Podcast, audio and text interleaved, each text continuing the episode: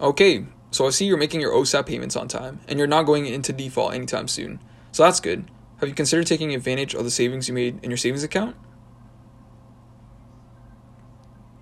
Yeah, exactly.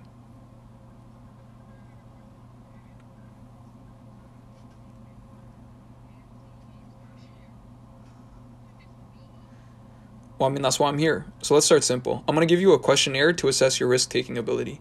Then we can decide together what's the best plan for you.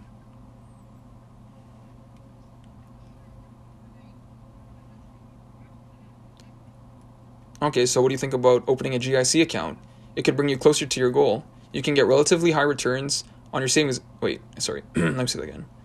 Okay, well, what do you think about opening a GIC account? It could bring you closer to your goal. You can get relatively higher returns than a savings account, and it's still low risk, which you could find comfort in. Yeah, for sure. One of oh, wait. Yeah, for sure. It's one of the safest. Wait.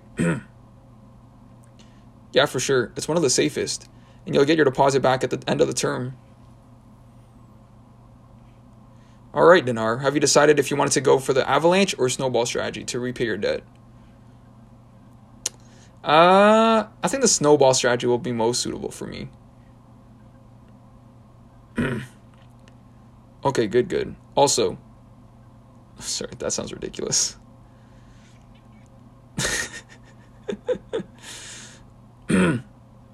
okay, good. Okay, good.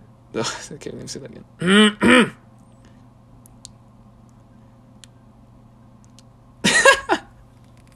Sorry, I see you laughing. Sorry, let me say it again.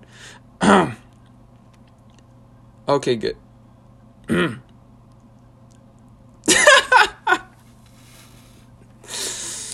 okay, let me see.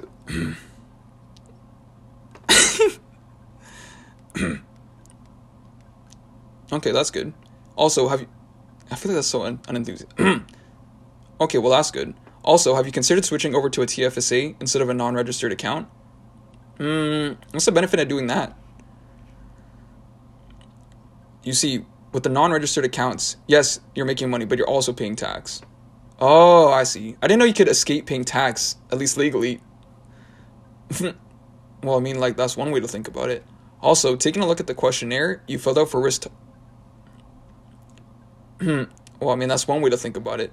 Also, taking a look at the questionnaire you filled out for risk tolerance assessment I also suggest you lower your risk investment and focus on paying your debts fully first. Mm, you know, I'm all about that go big or go home.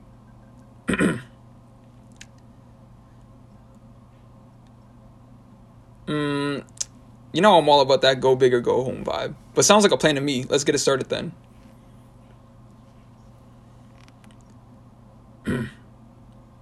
okay, looking at your risk profile and knowing your business is and Okay, looking at your risk profile and knowing your business income is becoming more stable, you could perhaps look into moving your investments towards a low. Okay, Jesus Christ, let me say that again.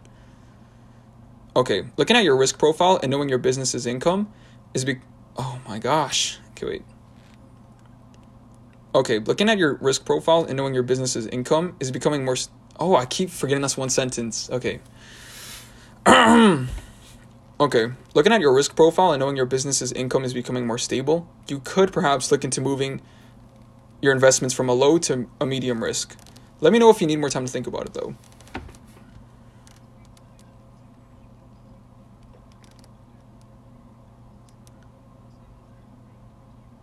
Yeah, sure, we can do that.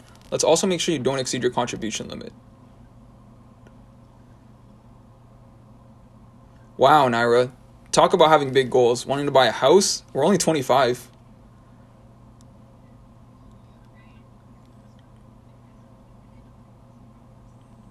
Okay, I will. I'll call him. Hello? Hey, Rand. All right, help us settle this. We're talking about goal setting on the podcast, and our Naira over here is thinking about buying a house already and wants to plan for it. Me and Rupee think it's just not a realistic goal at this age that we're at. Oh, let me say that again. Hey, Rand. All right, help us settle this. We're talking. We're afraid.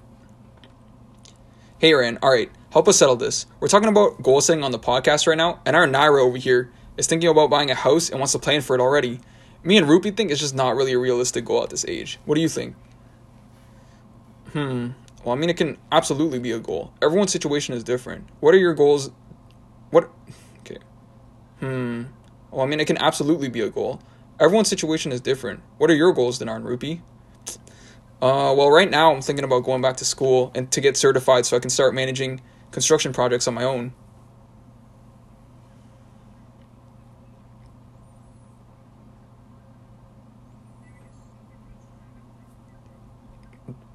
That's great. See, it all depends.